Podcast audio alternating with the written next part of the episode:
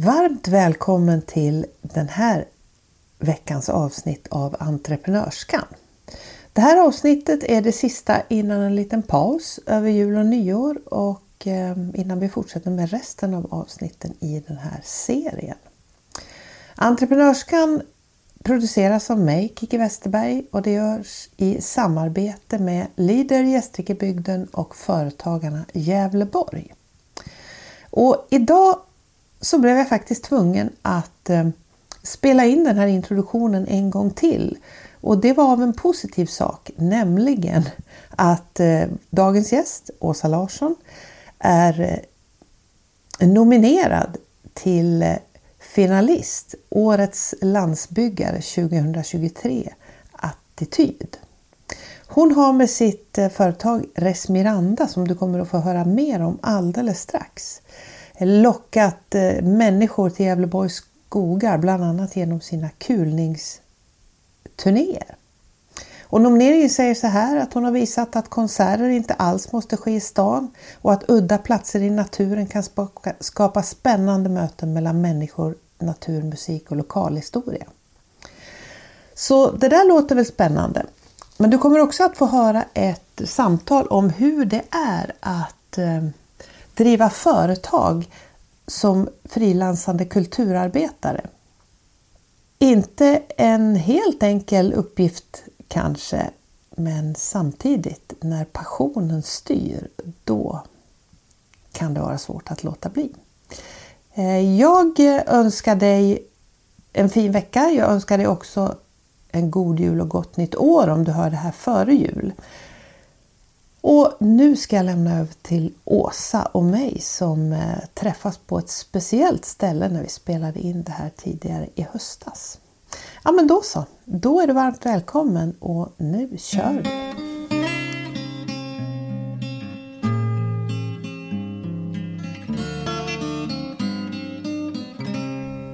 Ja, idag så är jag faktiskt tillbaks eh, på min gamla gymnasieskola och det visar sig att det var även eh, dagens gästs gamla gymnasieskola. Och idag så handlar det om kulturarbetare, det handlar om musik, det handlar om frilansande, det handlar om att driva företag på kanske ett lite annat sätt.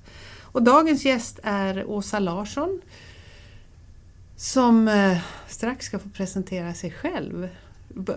Välkommen Åsa! Tack! Vad kul att vi kunde träffas här på, på ditt eh, jobb där du har mm, jobbat i del just nu. Mm. Mm. Ja, vad roligt att vi mm. kunde lösa det så. Mm. Mm. Eh, Res Miranda. Ja. Är det rätt uttalat? det är rätt. Ja. Det är också ditt, eh, vad ska man säga, alias, artistnamn? Eller? Precis, och namn på mitt företag. Eh, det finns en historia bakom det där namnet. Jag kan dra den om du vill. Det får du gärna göra. Ja. ja. Ehm, det var så här att när jag gick på folkhögskola för 20 år sedan på Gotland mm. så snöade jag in en period på madrigalmusik. Mm. Och det är alltså eh, italiensk körmusik från typ 1400-talet. Eh, och i den vevan så kom jag i kontakt med eh, en liten sång som, den var på engelska men den var i samma stil som den här madrigalmusiken. Och i den noten så såg jag ett ord som jag aldrig hade sett förut. Res Miranda stod det. Mm. Eh, och då blev jag så nyfiken, vad är det här för någonting? Vad betyder det? Eh, så då letade jag på det och det betyder ungefär en förunderlig sak. Oh. Och då tyckte jag det var så fint, så då har det fått följa med mm. ända sedan dess. Mm. Och eh, nu pratar du madrigalmusik. Vad, vad, vad landade du? du? Du är alltså musikutbildad och har en, en lång ja. bana inom olika genrer. Ja men precis. Eh, det har ju varit musik hela vägen för min mm. del. Mm. Eh, men med lite olika, vad ska man säga, faser mm. kanske man kan säga jag har den största delen av min utbildning inom körledning. Eh, jag jobbar mycket med körsång och leda kör då, helt enkelt. Mm. Ehm, det har varit mycket eh, olika körprojekt som jag har drivit själv och sen har jag gått in och jobbat med eh, olika friskvårdskörer i olika företag och sådär. Ehm, så det har väl varit den stora röda tråden Mm. i det musikaliska. Mm. Eh, men sen så har det blivit allt möjligt Mm. annat Mm. också. Mm.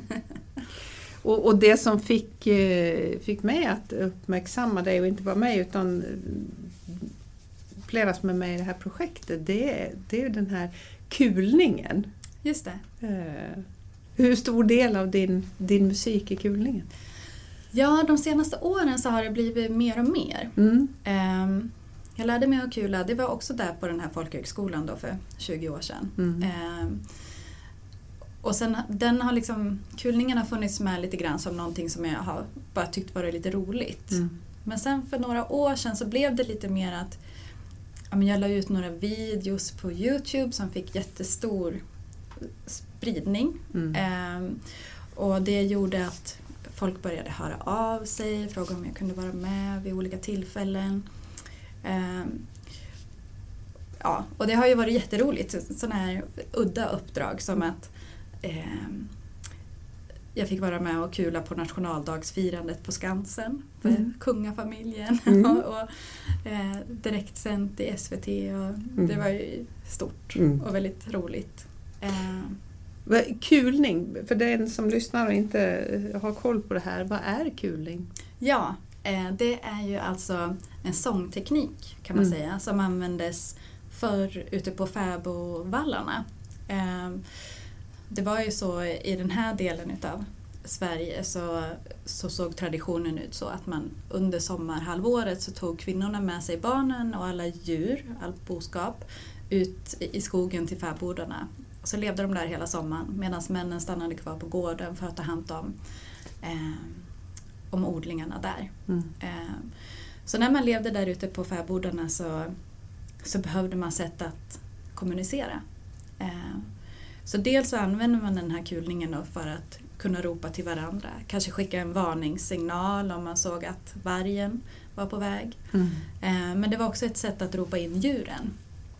Eh, Så den här tekniken behövde ju vara väldigt den är väldigt liksom högfrekvent och spetsig och skarp. Mm. Eh, och det gör att den hörs långt Mm. i skogen. Eh, ja, så det är väl ungefär var kulning kommer ifrån. En nyfiken fråga då, kunde man höra vem det var som kulade? Liksom om, om man nu var, om man var på olika ställen sådär. Just det.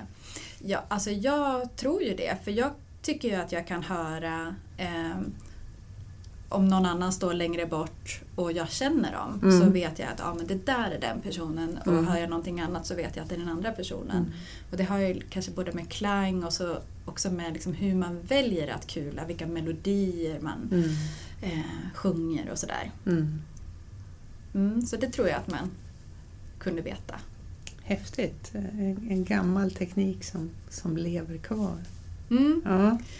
Ja, för mig så är det lite spännande med hela, liksom, hela den historiska inblicken på något vis som, som kulningen ger. Mm. Jag får lära mig så mycket liksom, om, om hur det var att leva just på den här platsen Mm. för, för egentligen inte så himla länge sedan. Eh, för det här använder man ju det var ju liksom med industri, industriella revolutionen och sådär när folk liksom flyttade in till städerna och började jobba mer. Det är inte så himla länge sedan. Mm. 150 år sedan eller något sånt. Mm. Och innan det så levde man ju på det här sättet. Eh, nära naturen, eh, ja, nära Mm. djuren. Mm. Så det är stor skillnad mot för hur vi lever idag. Mm. Men det är populärt med kulning. Mm. Mm. Ja, det skulle jag vilja säga att det är. Ja. Eh, det är fortfarande en väldigt smal, smal grej. Eh, men eh, dels så finns det ju, man kan läsa kulning på Musikhögskolan i Stockholm till Mhm. exempel som Mm. kurs. Och det brukar vara fullt varje år. Mm. Eh, och jag tycker att för min del så får jag mer och mer förfrågningar eh, om kulning. Och det är liksom allt ifrån ja, om jag kan komma och kula kanske på någon invigning på eh, något event eller något sånt eller något företag som vill liksom bjuda på någon lite speciell upplevelse. Så. Mm. Eller så kan det vara reklamfilm eller eh, kanske, kanske något konstfilmsprojekt eller något sånt. Som, Mm. Ehm, ja, så det letar sig in lite överallt. Ja, det, det, och det är lite kul. Och det, det kul. Ja, kul. ja, det är kul med Kul. Det, Ja. kan, kan vem som helst lära sig kula eller måste man kunna sjunga? Det var min sådär. Jag tänker så här att alla kan lära sig att både sjunga och kula. Ja. Eh, sen så är det ju hur mycket tid man vill kanske Mm. lägga på att eh, lära sig. Och, även om kulning är någonting smalt så, så finns det ju jättemycket att, att snöa in på Mm. om man vill. Mm. Ja, men jag tänker på de här, om man tänker då på de här kvinnorna som, som min tanke är att de kanske inte sa att nej men jag kan inte sjunga, jag kan Nej. inte kula. Utan Nej. liksom, kom vargen så, så var man tvungen att liksom göra sin röst hörd. Ja men precis. Det var ju ett arbetsredskap. Ja, Eh, det var ju inte en musikalisk eh, färdighet nej. eh, på den tiden. Mm. Det är någonting som vi nu mer kan liksom betrakta som en, eh, ja men vad ska man säga, en konstform. Mm. Eh, så visst, Mm. alla kan kula för alla kan ropa. Mm. Och det var ju det man gjorde. Mm. Man ropade in korna och man ropade till varandra. Mm. Mm. Och, och nu idag så ropar du på lite olika ställen. Det, det kan vara bröllop, det kan vara invigningar som du säger, det kan vara, vara såna här riktigt härliga uppdrag som det här att kula för kungen. Ja men precis. Eh, och eh, hur började det här med, med att driva företag på musik? För det är, ju- det är inte en helt enkel bana kan jag tänka mig. Nej. Ja, alltså när jag var klar med mina musikstudier eh, då var man ju liksom tvungen att, att skaffa sig en F-skattsedel för Mm. att eh, kunna ta betalt för Mm. spelningar och sånt. Och jag hade väl aldrig tänkt att, liksom, på det där med att jag ville ha ett företag. så. Eh, utan det var ju mest bara tvunget. Mm. Ehm, och ehm, Ja, med kulturen och kanske speciellt musik så eh, beroende på hur man jobbar med det. Men för min del så har det varit så att jag har, företaget har alltid funnits med. Eh, ibland så har det bara varit som en eh, möjlighet att kunna ta spelningar och kunna ta betalt på faktura. Mm. Och i vissa perioder så har jag kunnat ägna mer tid åt det och eh, att företagandet har varit liksom den centrala Mm. inkomstkällan. Mm. Eh, ofta har jag haft olika typer av deltidsanställningar eh, och varvat det med företagandet. Mm. Eh, jag brukar tänka att det är lite som en pendelrörelse. Att eh, om jag, om jag, har först, om jag an, är anställd eh, mycket då brukar det börja krypa i, i, i fötterna ganska snart för då, då får jag inte riktigt utrymme för min egen kreativitet i det. Så då längtar jag efter mitt eget företagande där jag kan göra mer utav mina egna projekt. Mm. Ehm, och så sen när jag är min egen och gör mina egna saker så då brukar jag kunna längta efter tryggheten, den ekonomiska stabiliteten som det innebär att vara anställd. Mm. Så då liksom över åren så brukar jag pendla fram och tillbaka där Mm. Det, det låter som ett ganska liksom skönt, flexibelt, fritt eh, liv ändå. Ja, ja, jag tycker det. Ja. Ehm, man blir väl inte jätterik på att leva på det här sättet Mm. ekonomiskt. Mm. Men, men jag får göra jättemycket roliga saker. Och just det där att få följa eh, följa det jag vill göra. Mm. Följa lusten och passionen. Och, eh, det är för mig värt Mm. jättemycket. Vad är din största drivkraft när det gäller musik? Ehm, jag älskar att vara mitt i musiken. Mm.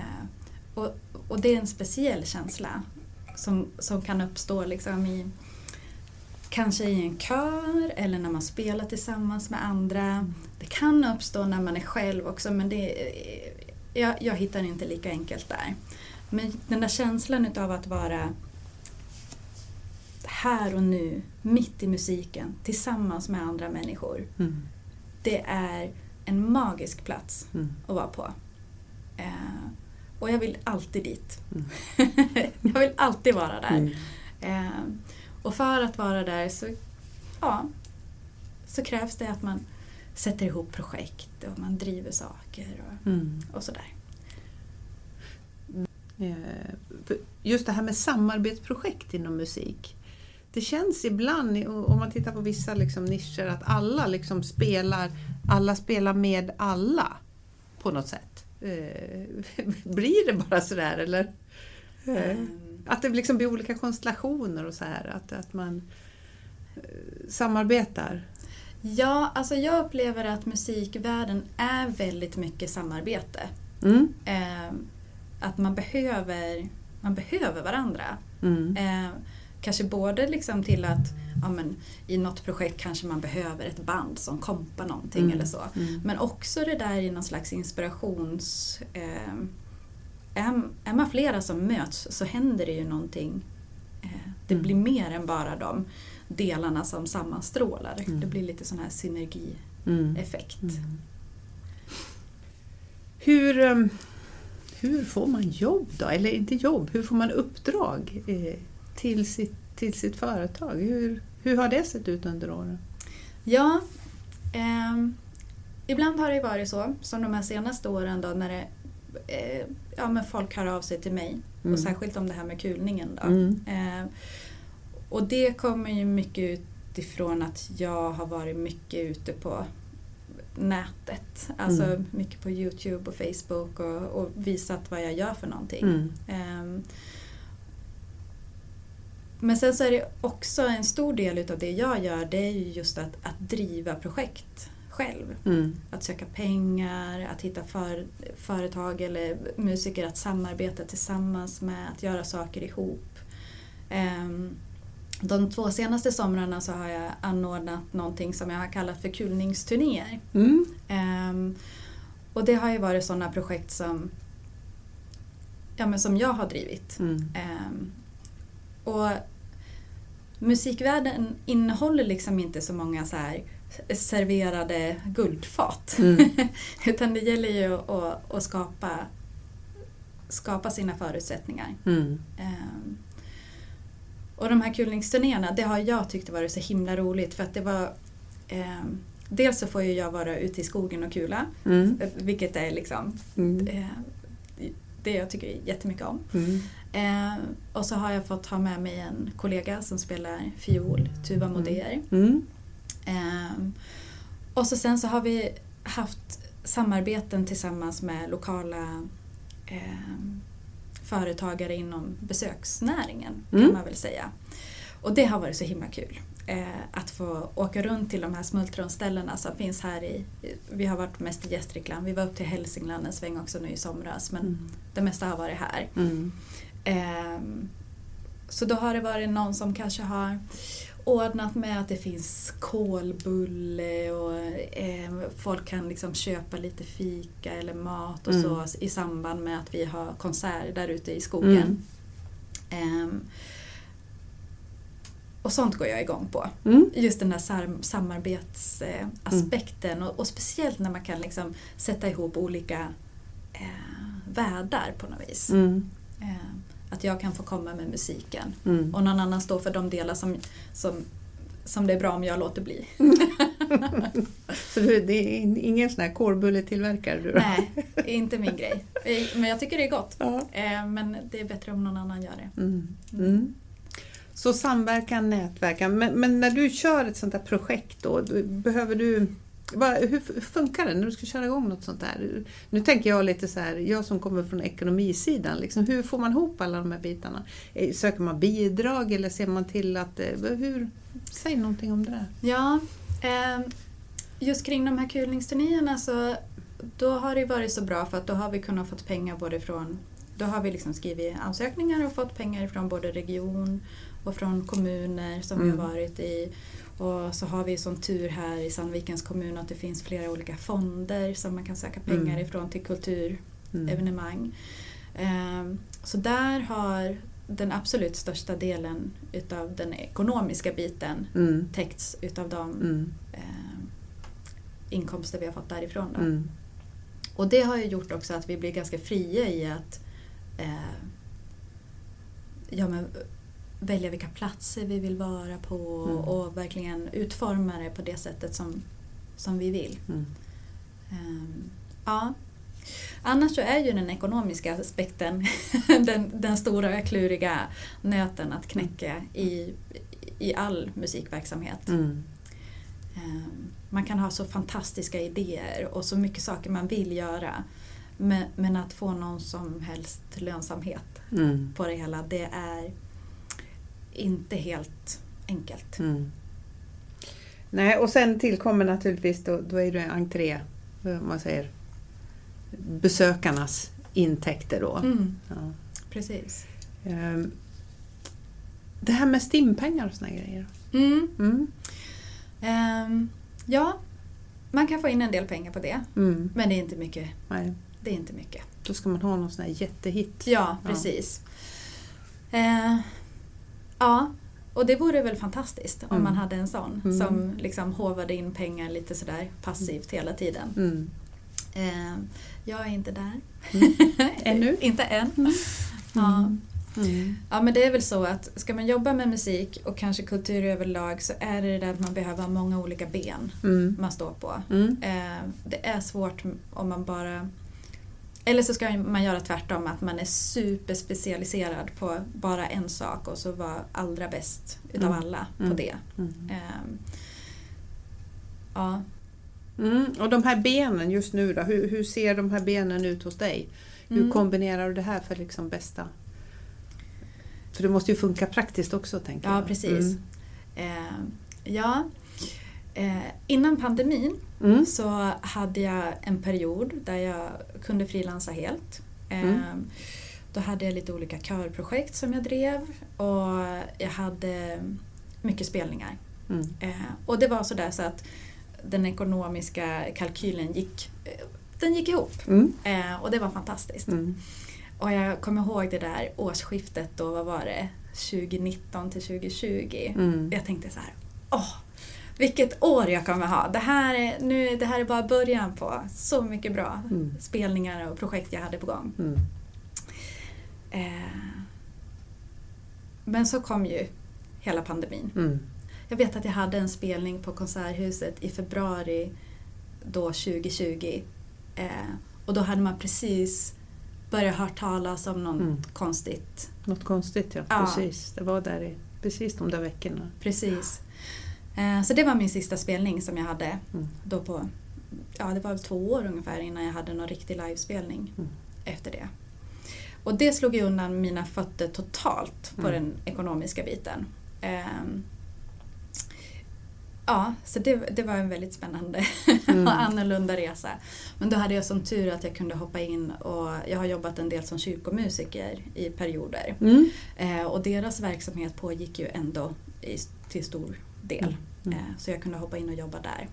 Ehm, så sen pandemin så har jag inte riktigt vågat släppa sargen. Mm. Eh, utan jag har lite, jag jobbar dels en dag i veckan jobbar jag på Västerbergs folkhögskola som sångpedagog på musiklinjen där. Mm. Sen så jobbar jag här på Kulturcentrum då, i Sandviken nu. Mm. Har en deltidstjänst eh, där jag jobbar mer med ja, kulturverksamheten fast från ett mer administrativt håll. Mm. Eh, och så på den lilla tid som blir över så Mm. har jag lite körprojekt och gör lite spelningar och sånt. Mm. Eh, men det känns fortfarande lite vanskligt. Mm. Jag tror inte att jag skulle våga, även om det liksom kommer in mer förfrågningar och jag tycker att det blir mer eh, stabilt eller vad man ska säga i musiksammanhang Mm. så är jag inte riktigt där än. Att jag skulle våga Mm. släppa taget om de här anställningarna som jag har Just nu. Mm. just nu. Nej, Mm. precis. Mm. Hur, ja, men du, du har ju ett stort nätverk av musikerkollegor och sånt där. Är det så här det ser ut att liksom jobba med musik? Eller vad, vad, vad tänker du när du ser dig omkring? Ja, jag tänker att nätverk är jätteviktigt. Mm. Det är ju liksom eh, Ja, dels för att, eh, för att det är roligt. Mm. Att man behöver, det är roligt att samarbeta med alla musiker runt omkring. Eh, men också för att man behöver varandra. Mm. Och så är det ju mycket så också att eh, ja, men spelningar man får och sådär. Mm. Förfrågningar man får kommer ju ofta ur att folk vet vem man är Mm. eh, och vet vad man kan och vet man, vad man håller på med. Mm. Den bästa marknadsföringskanalen brukar jag säga. Ja, Fast den, också den som tar längst tid. just det. Men den, när den väl liksom rullar så då rullar den. Ja. ja, men så är det. Det här med sociala medier då och Youtube och hela den biten. Vad har det betytt för dig och vad har det betytt liksom för, för att nå ut som musiker? För mig är det en jätteviktig del. Mm. Ehm, mm, kanske ur flera olika aspekter. Eh, dels rent marknadsföringsmässigt Mm. eh, genom att tala om vad jag gör, eh, visa vad jag håller på med. Eh, så finns jag där ute på något vis i folks medvetande Mm. att, ja, att man kan höra av sig till mig Mm. eh, om olika uppdrag. Mm. Eh, men sen så finns det också någon aspekt i, i det där med sociala medier som, som för mig är... För mig blir det lite som en scen. Mm. Eh, det, det är en möjlighet för mig att uttrycka mig. Eh, det blev så tydligt under pandemin när man liksom inte fick möta publik och så. Att, att komma på att jag håller på med musik för att jag vill uttrycka någonting. Mm. Ehm, och sociala medier är ju fantastiskt Mm. på det sättet. Jag kan få lägga ut min musik där. Jag tycker mycket om att skriva eh, lite så här, vad ska man säga, betraktelsetexter. Mm. Ja, det har jag sett på din Instagram. Ja. Ja. Just det. Mm. Ehm, och det finns ju ett utrymme för det Mm. där. Mm. Ehm, och en ty- ja, det är en typ av nätverkande det Mm. också. Mm.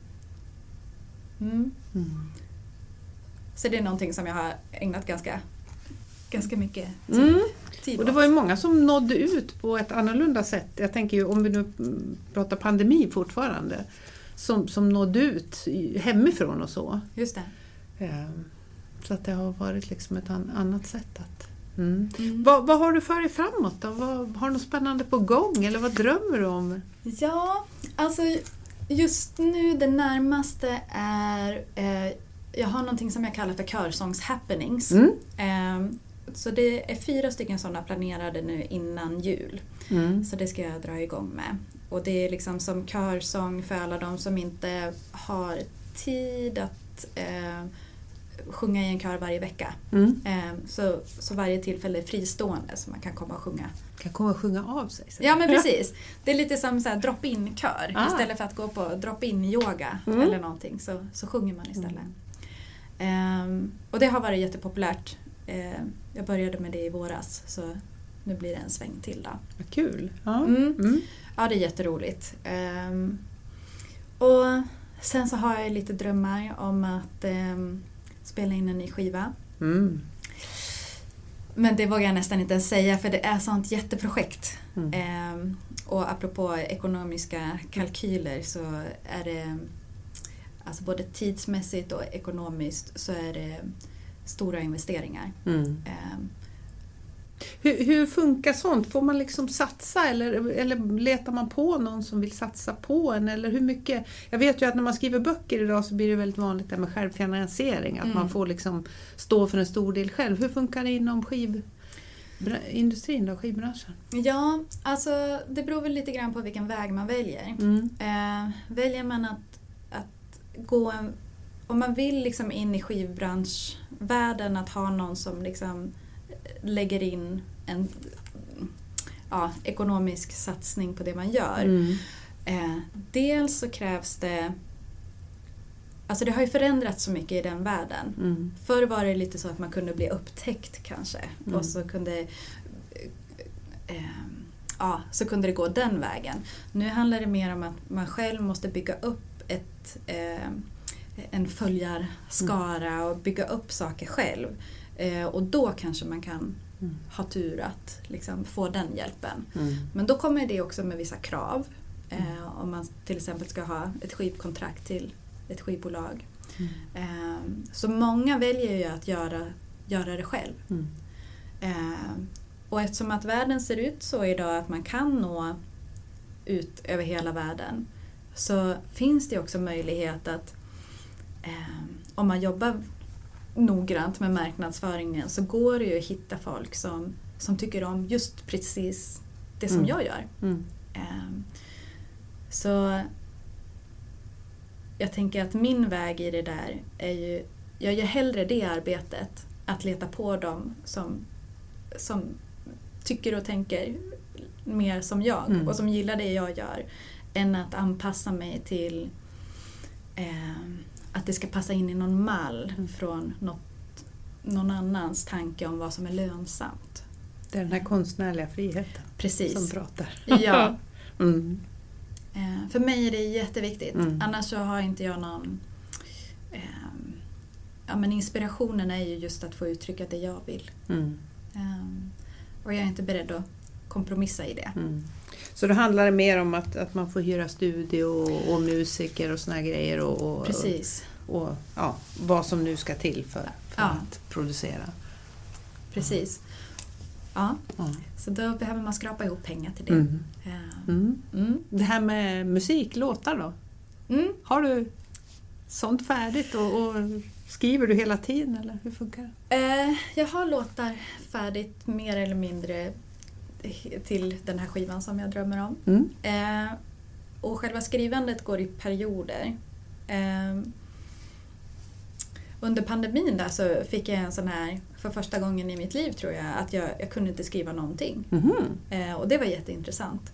Och jag tror att det berodde på just det där att, att inte få komma ut och möta folk. Eh, jag fick liksom ingen input. Mm. Och då var det som att då kunde det inte komma någon output Mm. heller. Det är liksom, ja. Ehm, Så det går lite i perioder. Mm. Men materialet är klart. Mm. Mm. Vad spännande! Hur, att spela in, att, att göra en skiva, hur lång tidsperiod handlar det om? Ja, det där är också en intressant fråga. Ja. hur långt är ett snöre ungefär? Ja, men precis. Mm. Ehm, drömmen vore ju, om man hade så pass mycket pengar Mm. så att man kunde eh, inte ha några andra jobb under en period och Mm. bara få ägna sig åt eh, själva inspelningen. Mm. Eh, då skulle det inte behöva ta så jättelång tid. Eh, men jag tror att både för mig och de flesta musiker så är det så att man jobbar lite i taget Mm. när det finns tid. Mm. Eh, och då kan det dra ut. Mm. Och så, sen så finns det också den här aspekten som jag vet att jag delar med många musiker, kollegor, att man vill att det ska bli bra. Mm. Man kan alltid peta lite mer. Man kan ändra någon liten detalj där Mm. och det kan man hålla på med i evighet. Mm. Så jag tänker att om jag ska göra det här musikprojektet då skulle jag behöva ha någon med mig som, som kan få vara lite så här, eh, vad ska man kalla det för? Eh, någon som kan hålla i handen och säga att nej, den där tagningen, den duger. Mm. Nu får du inte spela in den fler gånger. Liten projektledare. Ja, sådär. men precis. Ja. Ja, det skulle Mm. jag behöva. Mm. ja, vi får skicka ut en utlysning efter en sån Ja, men Mm. precis. Mm. som kan stötta. Mm. Nu träffar ju du människor i, lite överallt då i, i dina musik, men jag tänkte speciellt att prata om Westerberg och sådär. Eh, ett råd till någon ung människa idag som, som vill ge sig in i det här med musik och leva på musik. Vad, Mm. vad tänker du då? Ja. Ja, vad ska man tänka? Mm. Ehm, Jag tänker att om man väljer att jobba med musik så gör man det antagligen inte för att man tänker att man ska bli jätterik. Mm. Eh, Utan det är antagligen någonting annat som driver en. Mm. Ehm, Sen så kanske man kan ha tur eh, och att det kan gå bra ekonomiskt också. Jag tror att det var Malena Ernman som sa någon gång att, eh, att det här med musik, eh, man, det, det kan nästan vara som en sjukdom. Det här Mm. att man, man kommer vilja fortsätta med det här eh, oavsett vad förutsättningarna är. Och, och känner man så så kommer man ju göra det Mm. oavsett. Mm. Och då kommer man hitta vägar. Det finns alltid vägar. Mm. Och man kan ju få höra det där att det går inte att leva på musik. Mm. Det är klart det gör, men ja, på hur de vägarna ser ut, det är ju svårt att Mm. eh, förutse. Mm. Mm. Ja. Mm. Nu har jag avslutningsvis några snabba frågor till dig. Sådär. Okej. Eh, Det här gör mig förvånad. Eh, förvånad. Ehm, ja, det är mycket i den politiska debatten just nu som gör mig förvånad. Mm. Mm. Så kan man väl säga. Mm. Det här gör mig arg då? Får man säga samma? Du kan väl ta någonting annat om du har något? ja. Jag tycker att det är jättetråkigt med de här nedskärningarna som kommer inom både folkbildning och Mm. kultur. Mm. Det kommer slå ut så mycket viktig verksamhet. Mm. Eh, Det är jättetråkigt. Mm. Och det, ja, jag vet inte om jag blir arg, jag blir mer uppgiven kanske. Mm. Ledsen. Mm. Så vad gör dig glad? Eh, eh, mina barn. Mm. Mm. Har de musiken med sig? Ja, eh, fast inte... De har liksom inte valt att liksom gå den vägen. Mm. Eh, men de är musikaliska. Mm. Så det går i arv? Ja, det finns någonting där i alla Mm. fall. Härligt. Mm. Finns det någon, eller vem rättare sagt, vill du lyfta som har hjälpt dig längs vägen på något sätt? Eh, ja, det finns så många. Mm. Häromdagen så tänkte jag på en person. Mm. Som, när jag var liten så dansade jag ballett.